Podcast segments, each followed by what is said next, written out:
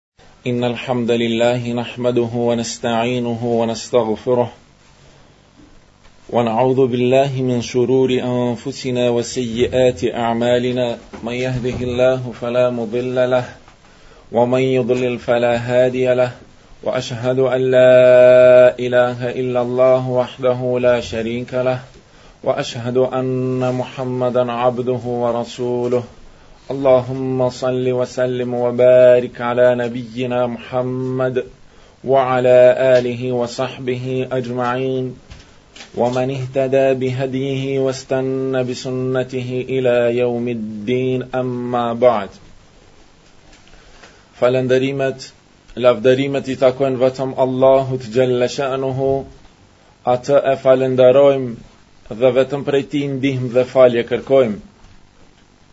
Salavatet dhe selamet i dërgojmë pejgamberit tonë Muhammedit sallallahu aleyhi wasallam, familjes së tij të ndershme e të pastër, shokëve të tij besnikë dhe të gjithë atyre që ecin në rrugën e tij i përmbahen sunnetit të tij deri në ditën e kiametit.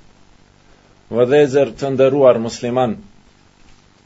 E falenderojmë Allahun Azza wa Jall që na mundësoi të takohemi në këtë vend dhe e lusim Allahun Azza wa Jall që të na mundësojë të kërkojmë dituri të dobishme prej së cilës do të kemi dobi në këtë botë, në jetën e kësaj bote e padyshim edhe dobia e saj do të jetë prezente në botën e ardhshme kur do të dalim para Allahut Azza wa Jall. Hadithi ynë i, i radhës apo hadithi i tretë të cilin do ta shpjegojmë është me numrin rendor 10, pra hadithi 10 tek 40 hadithet e Imam Neveviut, të cilin e transmeton Ebu Hurejra radiallahu ta'ala anhu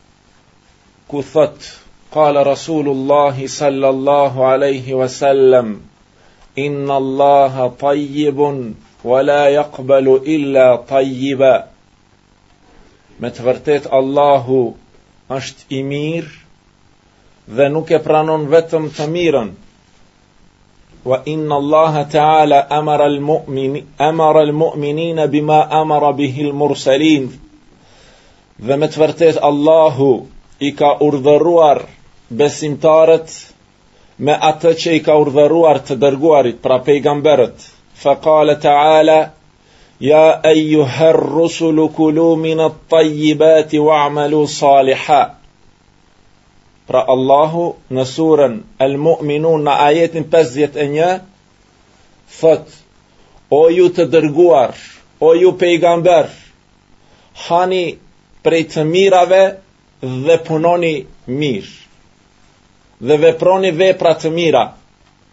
Wa qala ta'ala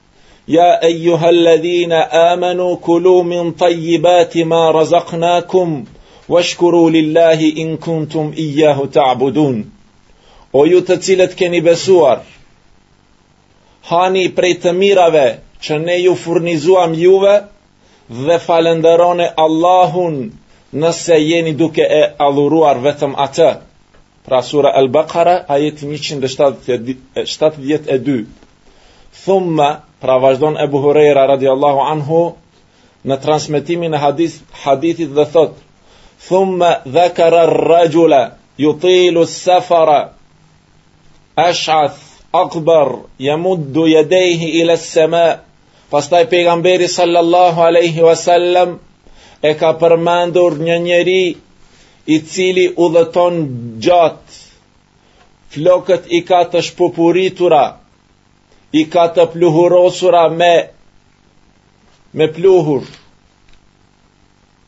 Jemuddu jedejhi iles-sema, i ngrit duart në qiell, ja rabbi, ja rabbi, thotë, zoti im, o zoti im,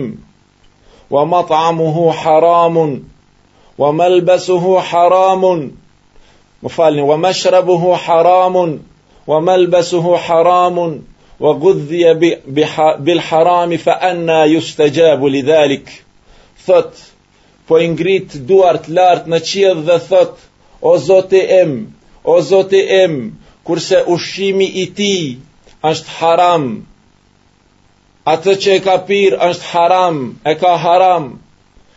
Rrobat që i ka veshur i ka të ndaluara pra haram dhe është ushqyer me haram.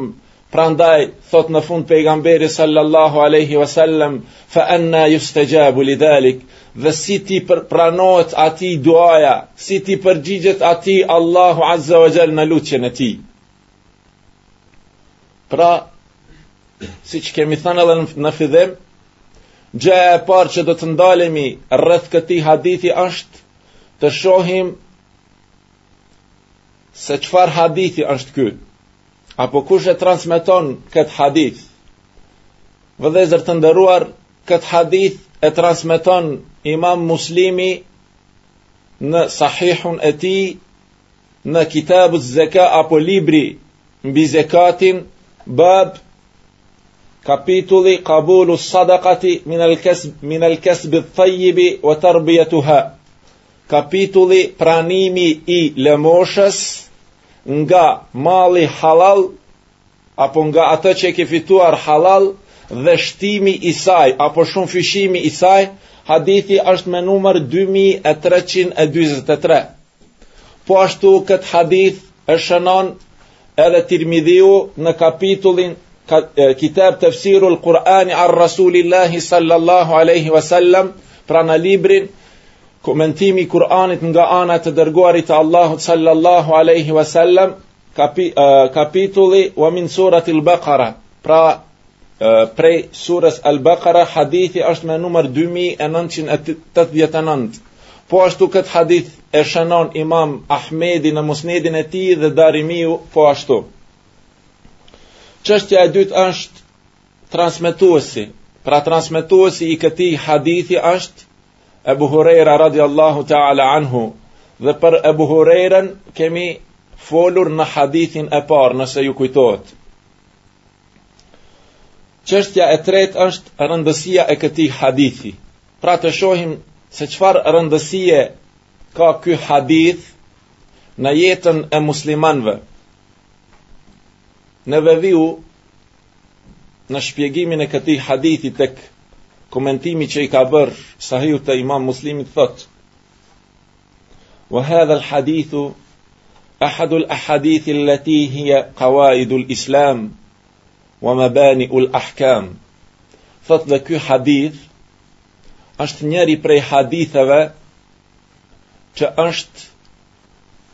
që janë pra njëri prej haditheve që janë shtyllat e islamit dhe bazat e dispozitave.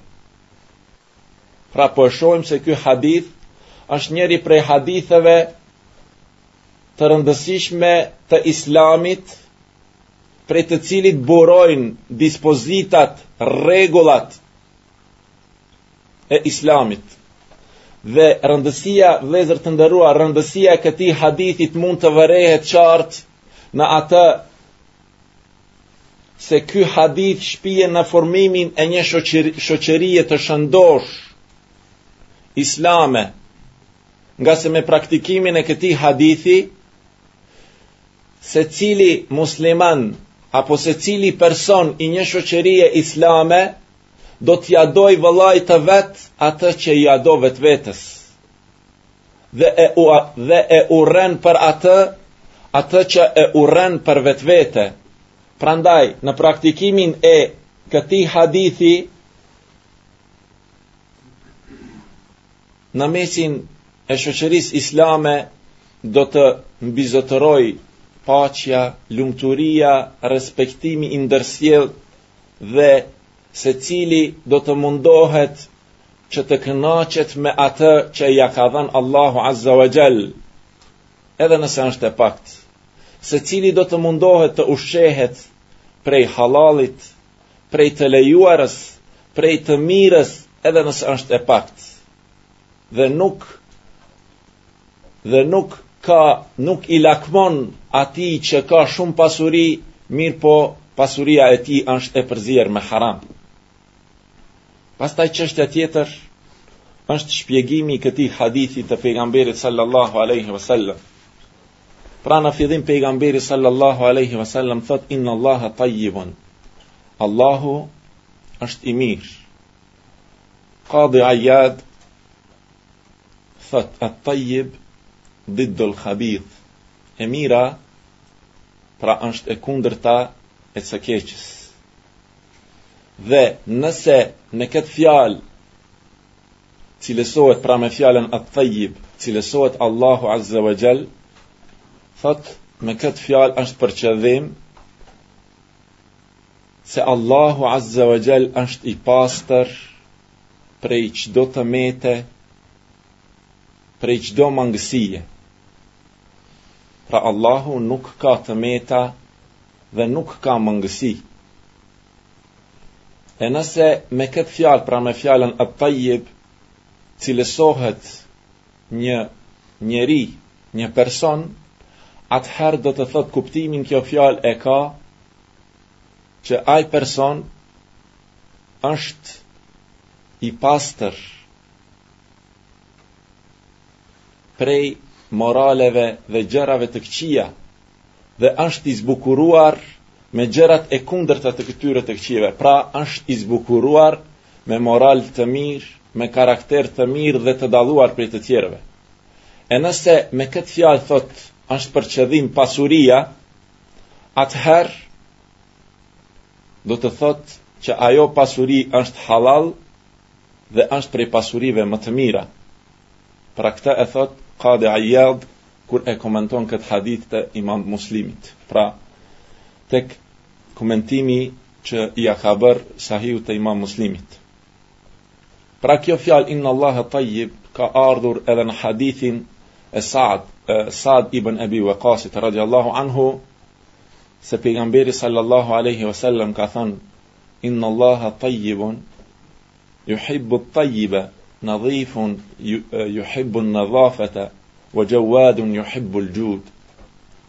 që do të thotë Allahu është i mirë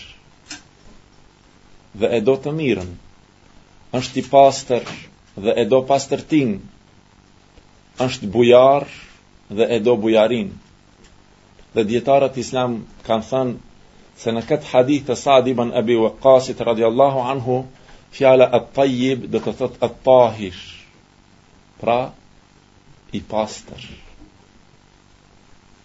i pastër prej çdo të mete.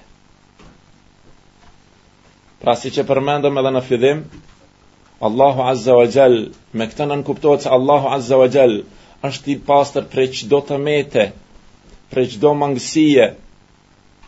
Është i përsosur. Vetëm Allahu Azza wa Jall, vetëm atij i takon el-kemal, përsosmëria.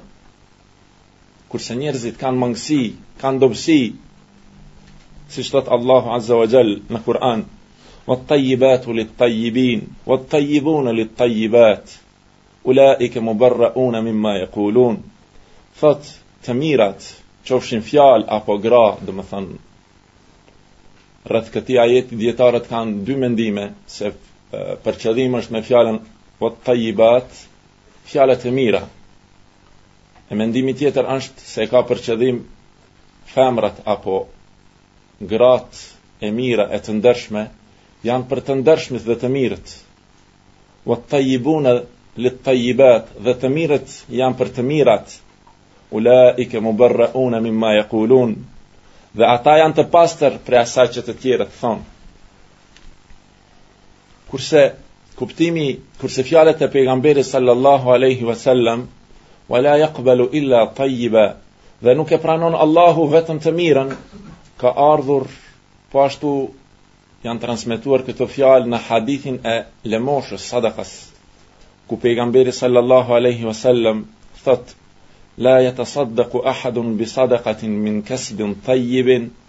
wa la yaqbalu Allahu illa tayyiba.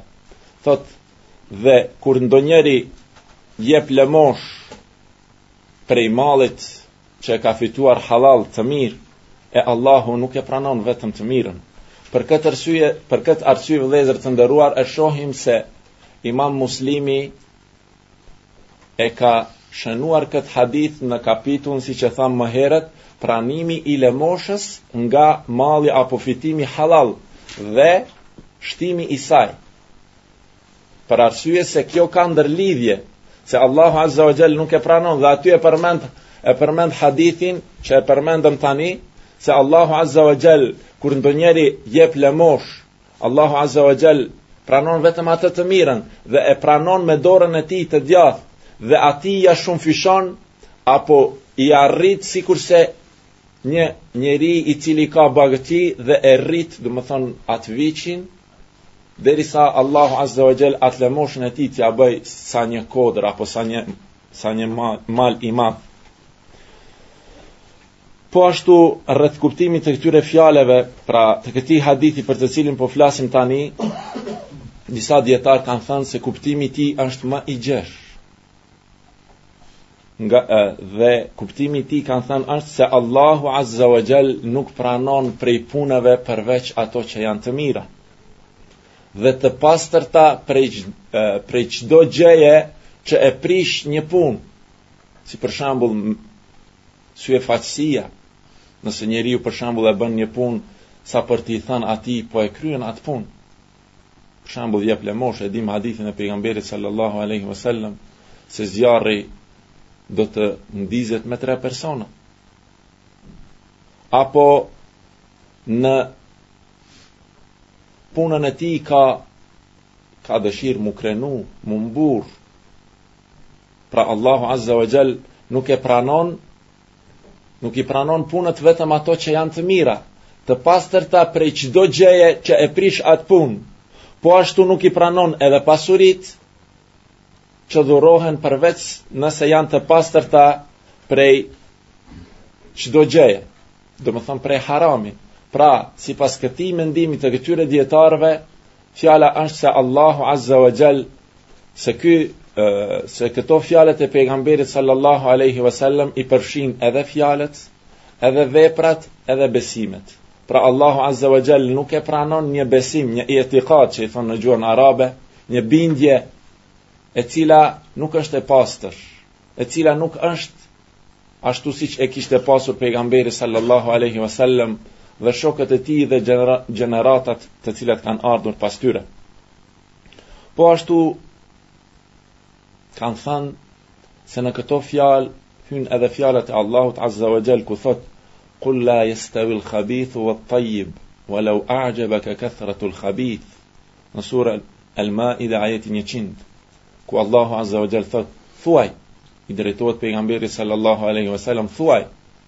nuk është e barabartë e keqja me të mirën. E keqja kurrsesi nuk mund ta arrijë të mirën. Walau a'jabaka kathratul khabith. Edhe nëse të mahnit shumimi i të këqijave. Po vëllezër të nderuar, sot të këqijat na përfshin nga të gjitha anët.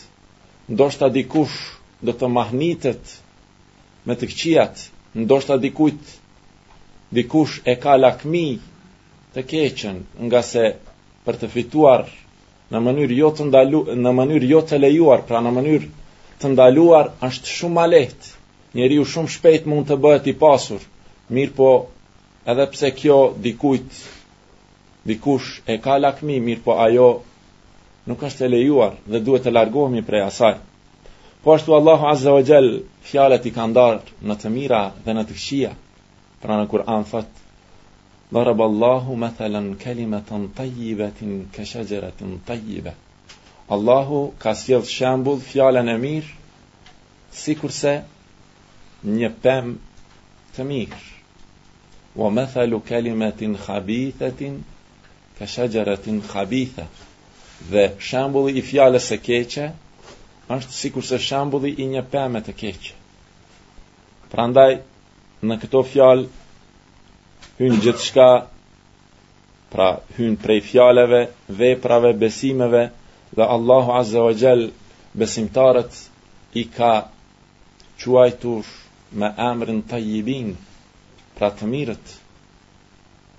Kur thotë në Kur'an, "Alladhina tatawaffahumul malaikatu tayyibin", thotë atyre që Allah, që melekët ua marrin shpirtrat që ishin të mirë, pra fjala është për besimtarët.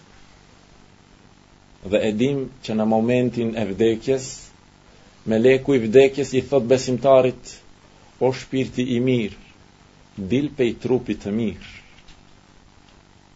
me thënë At-Tayyib, e përdor fjalën At-Tayyib, i mirë. Prandaj besimtari muslimani zemra e tij është e mirë me atë që ka në zemër, pra me iman. Gjuha e tij është e mirë me atë që e përmend i bën dhikr Allahut Azza wa Jall. Dhe gjymtyrët e trupit të tij janë të mira me atë që punon e që janë pjesë të imanit, pra edhe veprat që janë pjesë të imanit e që janë fryt i besimit dhe imanit.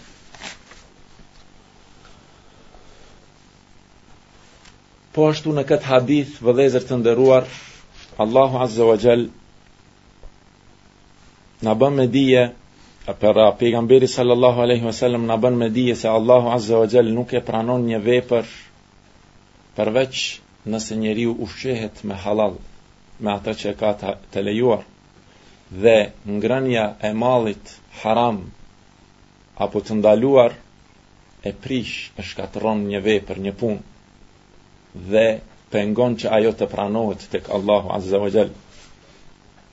Sepse pejgamberi sallallahu alaihi wasallam pasi që tha Me të vërtetë Allahu është i mirë dhe nuk e pranon të vetëm të mirën, përmendi dhe tha, me të vërtetë Allahu i urdhëroi besimtarët me atë që i urdhëroi, jerhamuk Allah, me atë që i urdhëroi të dërguarit dhe tha, o ju të dërguar, hani prej të mirave dhe punoni, dhe punoni vepra të mira. Pra, po ashtu u drejtohet besimtarëve dhe u thotë, o ju të cilët keni besuar, hani prej të mirave që ne ju furnizuam juve, dhe falënderoni Allahun Azza wa Jall nëse jeni duke e adhuruar vetëm atë. Prandaj, prej kësaj kuptohet se sikurse që Allahu Azza wa Jall i urdhëroi pejgamberët të dërguarit të hanë prej të mirave dhe të punojnë vepra të mira, po ashtu Allahu Azza wa Jall i urdhëroi edhe besimtarët që të hanë prej të mirave dhe ta falënderojnë Allahun Azza wa Jall. Këtu vëllezër të nderuar është një dallim në shprehjen e Allahut Azza wa Jall. Atyre u tha wa'malu saliha, punoni të mirë, kurse besimtarëve u tha washkuru lillahi in kuntum iyyahu ta'budun. Tha falënderoni Allahun nëse jeni duke e adhuruar vetëm atë. Ku është dallimi në shprehje? Apo cili është kuptimi, të them më mirë. Dijetarët islam kanë thënë se falenderimi, falenderimi nuk do të thotë që vetëm të thuash esh-shukru lillah, apo alhamdu lillah, ta falenderosh Allahun, me thënë falenderimi qoftë vetëm Allahut.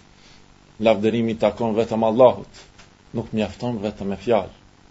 Mirëpo çka, çfarë, Kërkohet prej besimtarit që atë ta vërtetojë edhe me vepër, me punë. Prandaj, nëse një besimtar e realizon dhe e arrin që falenderimin e tij ta bëjë me punë, atëherë barazohet njëjtë. Domethënë vjen shprejhja që pejgamberve u thotë punoni, pra hani prej të mirave dhe punoni punë të mira. Po ashtu besimtar, besimtarëve u thotë, hani prej të mirave dhe falenderoni Allahun, dhe pa dyshim që falenderimi, ndaj, falenderimi i Allahut Azza wa Jall bëhet, jo vetëm me fjalë, mirëpo edhe me vepra, prandaj me këtë realizohet që edhe besimtarët duhet ta të kryejnë vepra të mira.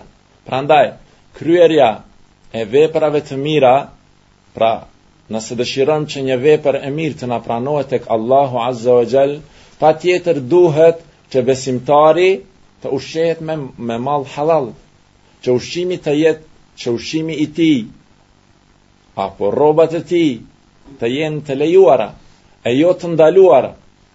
Ngase do ta shohim se prej gjërave që pengojnë pranimin e një lutjeje është që njeriu të ushqehet me haram, të veshet me haram, Prandaj ky është kjo është kuptimi pra i fjalëve të pejgamberit sallallahu alaihi wasallam. Dijetarët islam vëllezër të nderuar kanë folur shumë kur është në pyetje këtu malli hallall apo malli haram a pranohet një vepër nëse kryhet me mallin haram apo jo kanë folur për këtë çështje rreth haxhit. Po ashtu kanë folur edhe për namazin. Për shembull, një njeri i cili e kryen haxhin me pasuri të ndaluar, haram. Apo e fal, për shembull, e fal namazin në një rrobë të cilën e ka vjedhur. Prandaj parashtrohet pyetja këtu a i pranohet atij haxhi apo me fjalë të tjera të them më mirë a e ka shlyer a e ka lar obligimin që e ka para Allahut azza wa jall nëse e kryen haxhin me mallin haram apo a e ka kryer obligimin e faljes së namazit nëse e fal për shembull namazin me rroba të cilat i ka të vjedhur apo i ka haram Dhe për ta kuptuar këtë,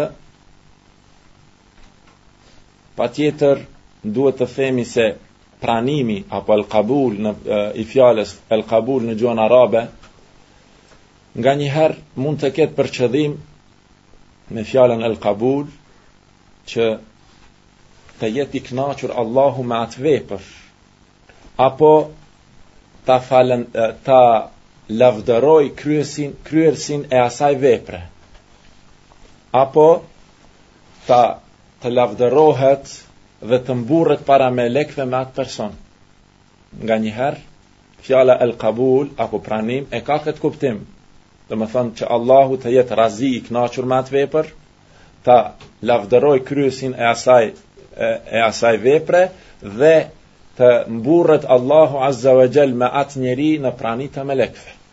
Pra ky është kuptimi i parë. Kuptimi i dytë është që me fjalën el kabul është për qëllim që të arrijë shpërblimin dhe sevapet. Dhe kuptimi i tretë është që Prej atij për, ai personi lirohet nga nga obligimi. Domethënë me fjalën el kabul apo pranim, e ka për qëllim se ai personi edhe nëse ka kryer haxhin ashtu apo nëse e ka falur namazin në atë mënyrë që përmendëm më herët, ai domethënë e ka prej atij domethënë ka rënë obligimi, pra e ka kryer. Nëse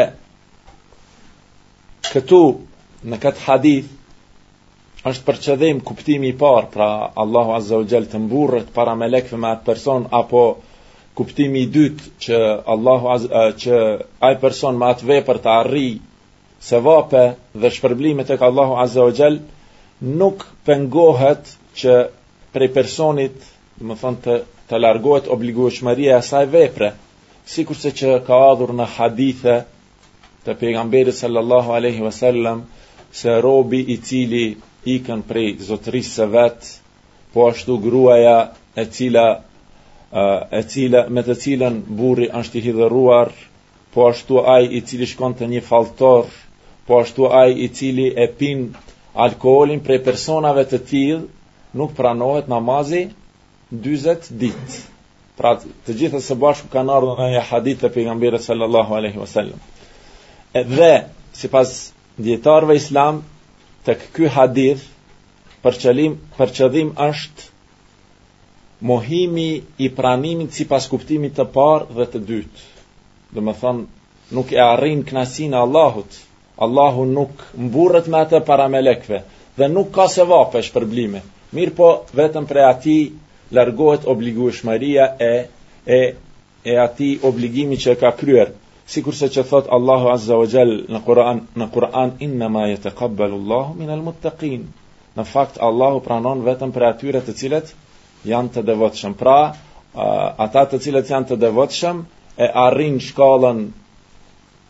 Që Allahu Azza wa Jall të krenohet me ata para melekëve, të mburret me ata para melekëve dhe arrijnë shpërblime e sevape të mëdha tek Allahu Azza wa Jall.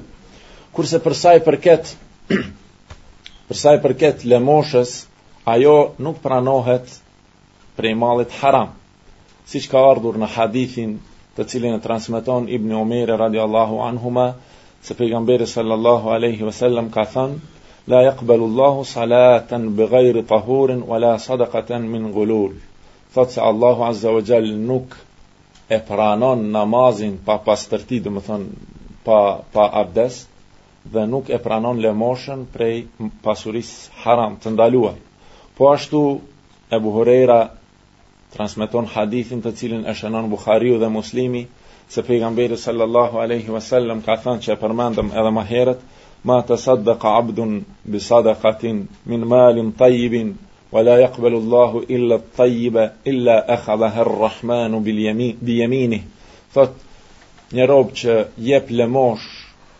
prej malit të mirë, prej pasurisë të mirë e hallall dhe Allahu dhe Allahu nuk e pranon përveç të mirës.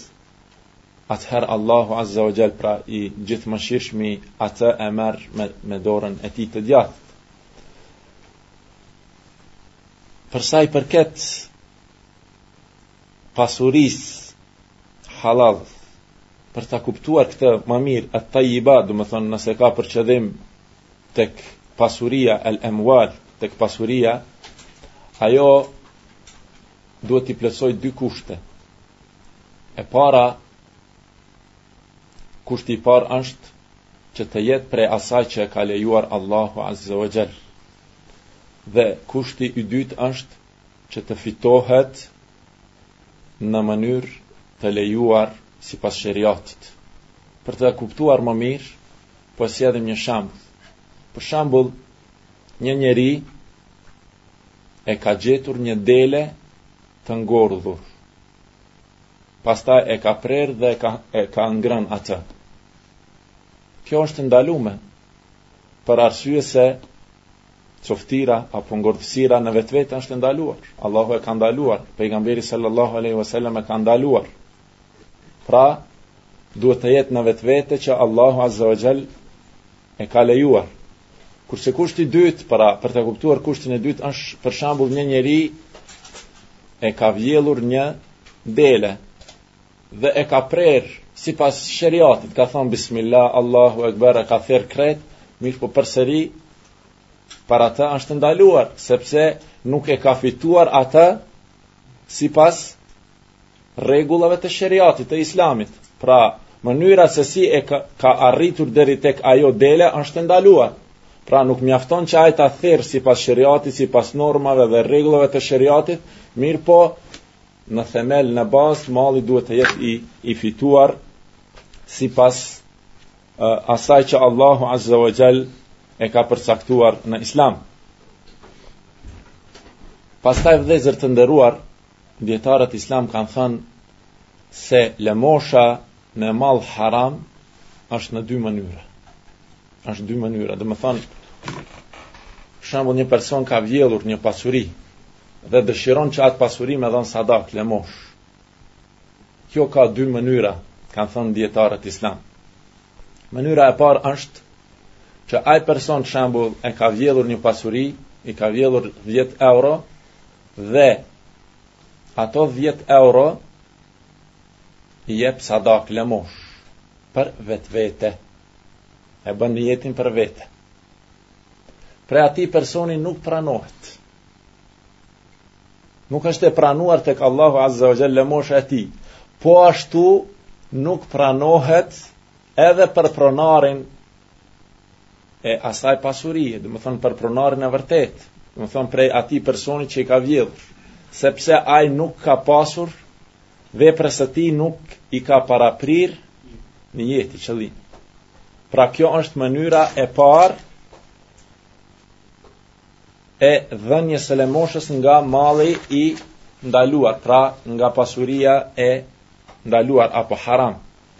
Kurse mënyra e dytë vëllezër të nderuar është që personi i cili për shembull që e përmendëm ka vjedhur 10 euro dhe pastaj nuk ka mundësi se si t'i kthejë ato paret tek pronari i tyre i vërtetë apo tek trashëgimtarët e tij atëherë e bën nijet që ato pare t'i dhurojë për pronarin e tyre të vërtetë dhe dijetarët islamë kanë thënë se Kjo lëmoshë është e pranuar dhe sevapet apo shpërblimet i shkojnë pra tek pronari i parave, domethënë jo jo tek ky që i ka vjedhur ato dhe që ka që ka dhënë lëmoshë.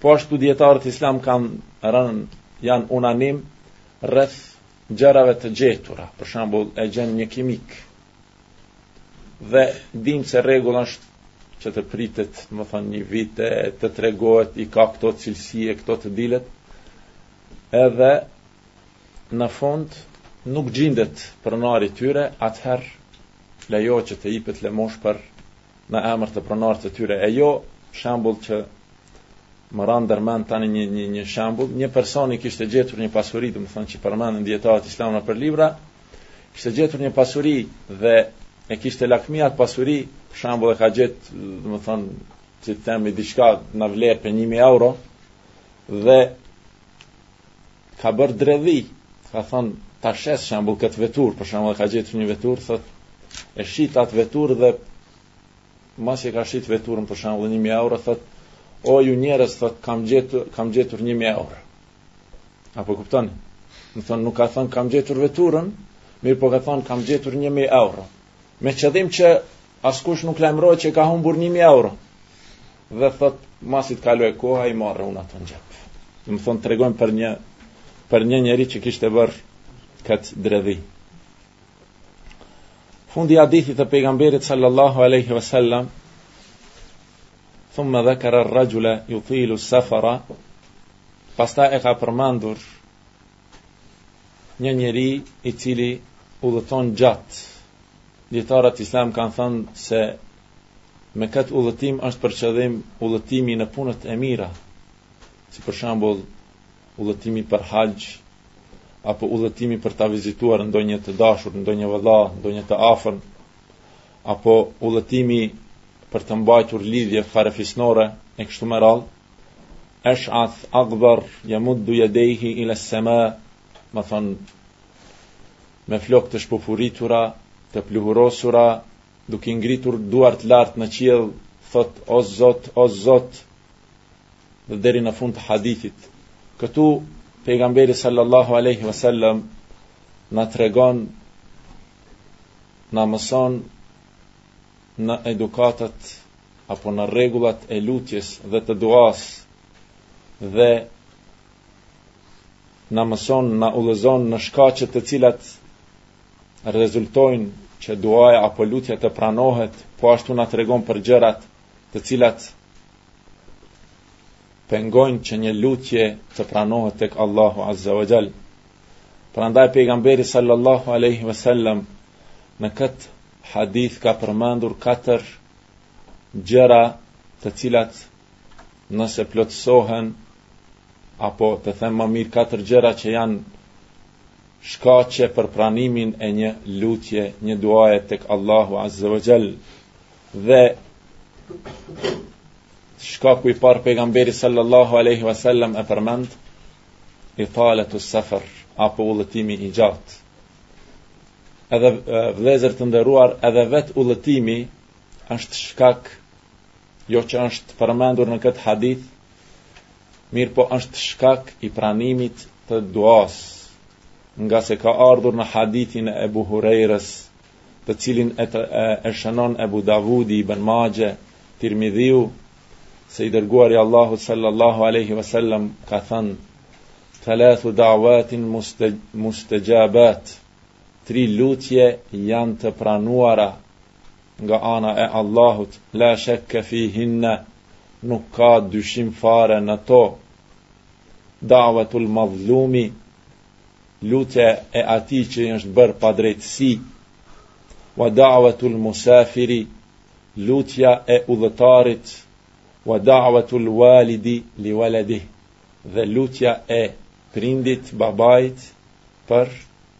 fëmijën e tij. Kurse tek Tirmidhiu kjo e fundit ka ardhur wa da'watul walidi ala waladihi.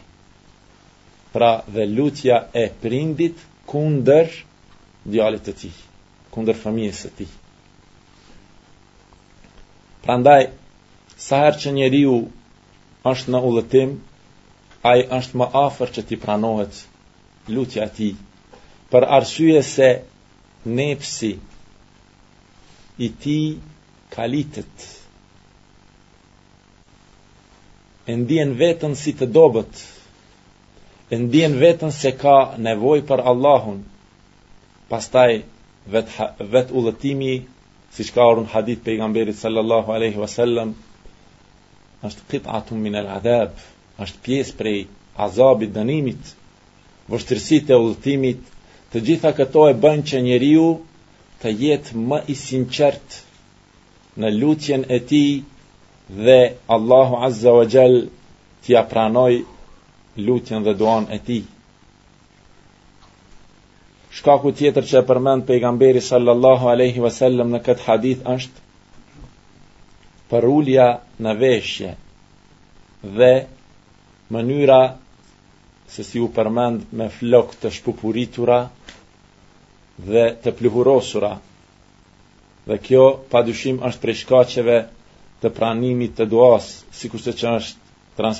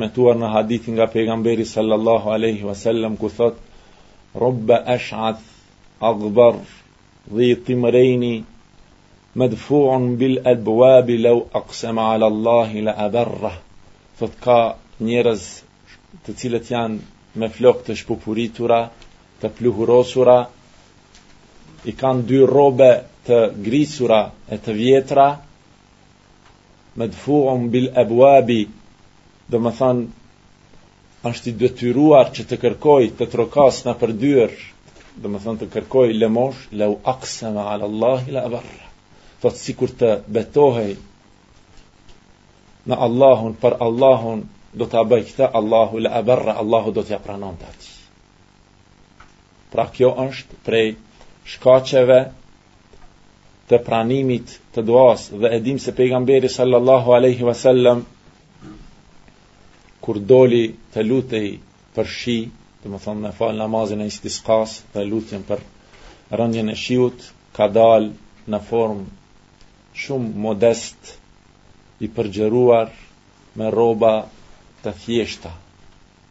Pra, ky është shkaku i dytë që pejgamberi sallallahu alaihi wasallam e ka përmendur në këtë hadith. Shkaku i tretë, vëllezër të nderuar, është ngritja e duarve në qiell dhe kjo është prej rregullave të lutjes me anë së së cilë me anë të së cilës pranohet lutja tek Allahu Azza wa Jall dhe hadithi të cilin e transmeton Salman al-Farisi radiallahu ta'ala anhu se i dërguari i Allahut sallallahu alaihi wasallam ka thënë inna Allaha hayyun karimun Yestahyi idha rafa'a ar-rajulu ileyhi yadayhi an yaruddahuma sifran khaibatayn.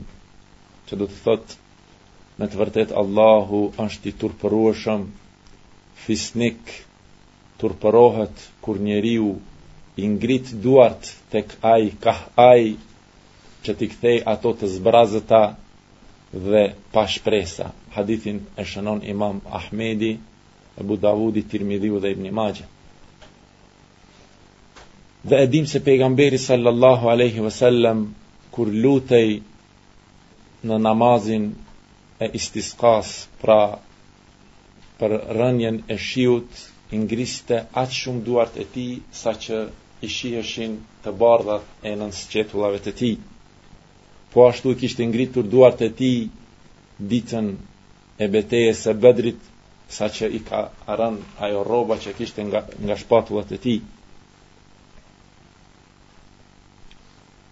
Nga pejgamberi sallallahu alaihi wasallam janë transmetuar disa forma të ngritjes së duarve. Pra, kur bën njeriu dua dhe i lutet i ngrit duart dhe i lutet Allahu Azza wa Jall nga pejgamberi sallallahu alaihi wasallam janë transmetuar disa forma të ndryshme. E para është se pejgamberi sallallahu alaihi wasallam ka bërë shenjë me gishtin e tij tregues. Dhe këtë dietarët islam dhe transmetohet se pejgamberi sallallahu alaihi wasallam zakonisht e bënte në në hutbe, pra kur mbante ligjëratën e xhumasë. Prej tyre, prej formave të tjera është se pejgamberi sallallahu alaihi wasallam kur i ngriste duart, domethënë këto anët e duarve i kthente kah kibleja.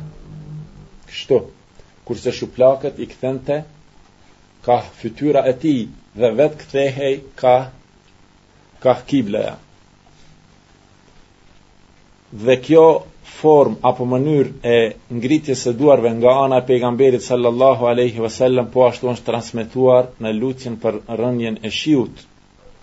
Dhe disa prej selefëve kanë përmendur se ngritja e duarve në këtë mënyrë është përgjërim apo tedarru, domethënë kur njeriu i përgjërohet Allahut Azza wa Jall. Forma tjetër apo mënyra tjetër është e kundërta me këtë. Domethënë në këtë mënyrë. Kjo është transmetuar po ashtu nga pejgamberi sallallahu alaihi wasallam në istisqa apo në faljen për rën, e faljen e namazit të istisqas pra për rënien e shiut.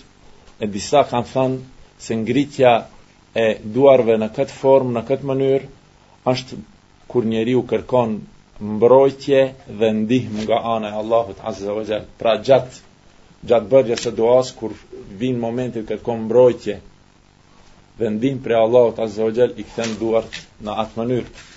Prej mënyrave tjera është se pejgamberi sallallahu alaihi wasallam i kishte ngrit, ngritur duart e tij e tij në këtë mënyrë. Shuplakat i kishte kah qielli.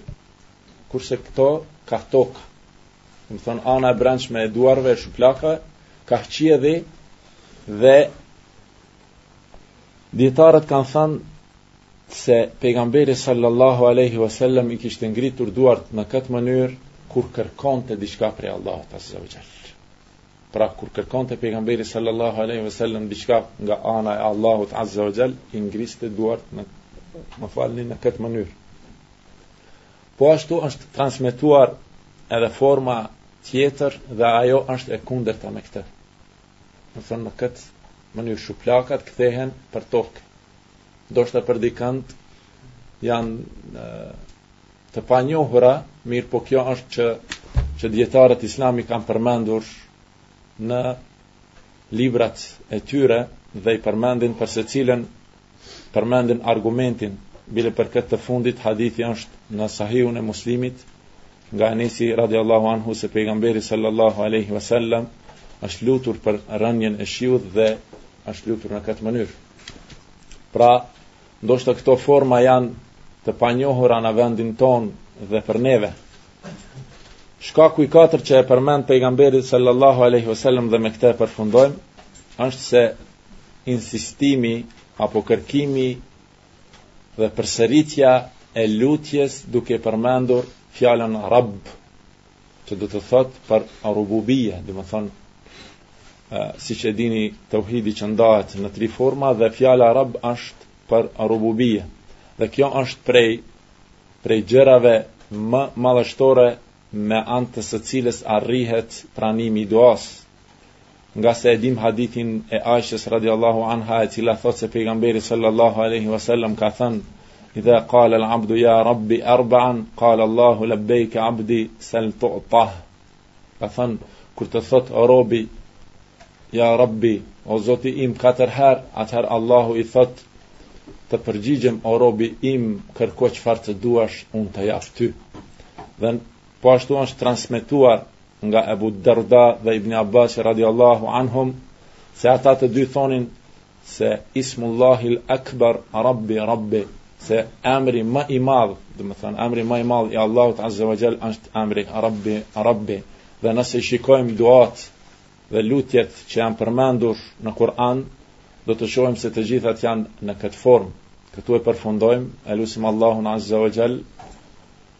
që të na bëjë prej atyre të cilët prej të cilëve pranohen lutjet e tyre dhe të na ruaj prej gjërave të ndaluara qoftë ushqimi apo veshja apo pirja dhe e lusim Allahun Azza wa Jall që të na bëjë dobi me diturinë me të, të cilën e mësojmë në rrugën e tij Dhe inshallah në javën e ardhshme do të do të vazhdojmë në shpjegimin e këtij hadithi dhe në dobit e këtij hadithi, të cilat janë bukur të shumta, inshallah.